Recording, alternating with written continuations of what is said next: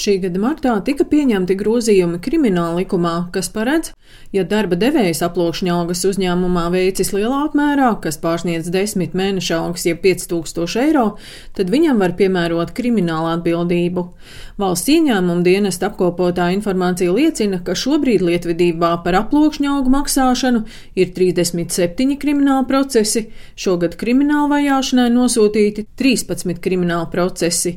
Vidu nodokļu un muitas policijas pārvaldes direktors Kaspars Podiņš stāsta, kurās nozarēs visvairāk tiek atklāta aploksņa augu izmaksa. Tā ir būvniecība, tā ir skaistumkopšana, tā ir arī ēdināšana. Tie ir tie lielākie riska zonas, kur tiek maksāts aploksņa algas. Kāda ir šie aploksņa algu izcelsmes avoti? Nu, tad, tad tas ir pirmkārt noteikti jāskatās, vai tā nav pievienotās vērtības nodokļu izkrāpšanas schēma, vai tā nav otrkārt kases aparātu sagrozīšana, un treškārt tā varētu būt nelegāli saražotā vai tālāk realizētā produkcija. Tā var būt skaidra nauda, kas ievest ir, ir kaut kur no ārzemēm.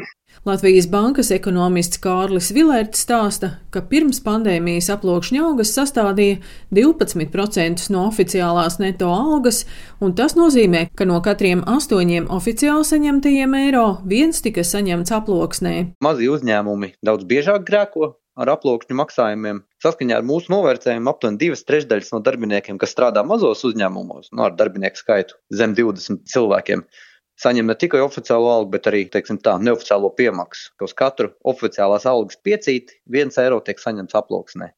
Lielu un vidēju izmēru uzņēmumiem nu, šis rādītājs ir, ir ievērojami zemāks. Otrs secinājums ir tāds, ka aploksņa algu saņēmēja īpatsvars ir izteikti lielāks mazo algu saņēmēju starpā. Īpaši pie minimālās algas mūsu aplēses liecina, ka te ir 70% gadījumu, protams, minimāla algu saņēmēji saņem papildus klāt kaut ko arī aploksnē. Vidu nodokļu un muitas policijas pārvaldes direktors Kaspars Podiņš gan uzsver, ka grēko arī lieli uzņēmumi. Viņš gan nenosauc konkrēto skaistumu kopšanas uzņēmumu, bet publiski jau izskanēja, kā plokšņa algas maksātas uzņēmumā kolonna. Mēs konstatējām aploksņu algas vienā no lielākiem skaistumkopšanas pakalpojumu sniedzējiem. Jā, ļoti liels uzņēmums. Jau otro reizi, pirmā reize bija 19. gadā, Tā kā es negribētu teikt, ka tie ir tikai mazie uzņēmumi. Protams, mēs būtu ļoti priecīgi, ja cilvēki mūs informētu jau brīdī, kad ir nodibināts darba tiesiskās attiecības, un darba devējs ir piedāvājis daļu algas saņemt aploksnēs. Tādā gadījumā mums ir visvieglāk atklāt šos noziegumus. Grūtāk ir tad, ja cilvēks jau ir beidzis darba tiesiskās attiecības, viņam ir samaksāta pārsvarā tikai šī oficiālā daļa, šī neoficiālā daļa samaksāta nav. Tad cilvēks griežas pie mums ar lūgumu palīdzēt. Tad jau mēs tālāk vērtējam, vai mēs šo informāciju tālāk jau nododam nodokļu nomaksas veicināšanas pārvaldei vai ierosināms krimināla process. Nu, tā skaitā, protams, arī kratīšanas un šos naudas līdzekļus cenšamies arī izņemt tieši šo aplūkšņu algu izmaksas brīdī. Latvijas darba devēja konfederācijas finanšu un nodokļu eksperts Jānis Hermanis stāsta, ka darba devēja cenšas samazināt ēnu ekonomiku, atsevišķās nozarēs slēdzot ģenerālu vienošanos, bet pēc viņa domām šobrīd ir vairāki riska faktori, kuru ietekmē var ne tikai palielināties aploksņu augu maksāšana, bet arī nelegālā nodarbinātība.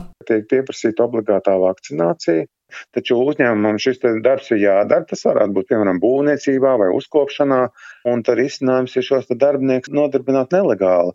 Vēl būtisks apstākļus no 1. jūlijas stājās spēkā minimālā sociālā iemaksa, un tas jāmaksā tagad ir visiem, tā skaitā arī tiem, kas darbojas uz nepilnu slodzi.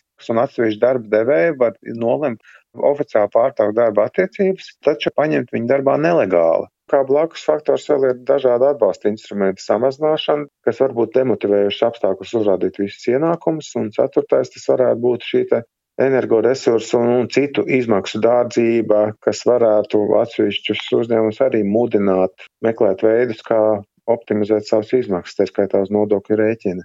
Pandēmijas laiks parādīja, ka aploksņa augu saņēmēji saņēma mazākus pabalstus nekā tie, par kuriem darba devējs nodokļus maksājas godprātīgi. Tas pats attiecas arī uz citām sociālām garantijām, tā skaitā bezdarbnieku un slimības pabalstiem, kuru apmērs atkarīgs no nomaksātajiem nodokļiem. Daina Zalamane, Latvijas radio.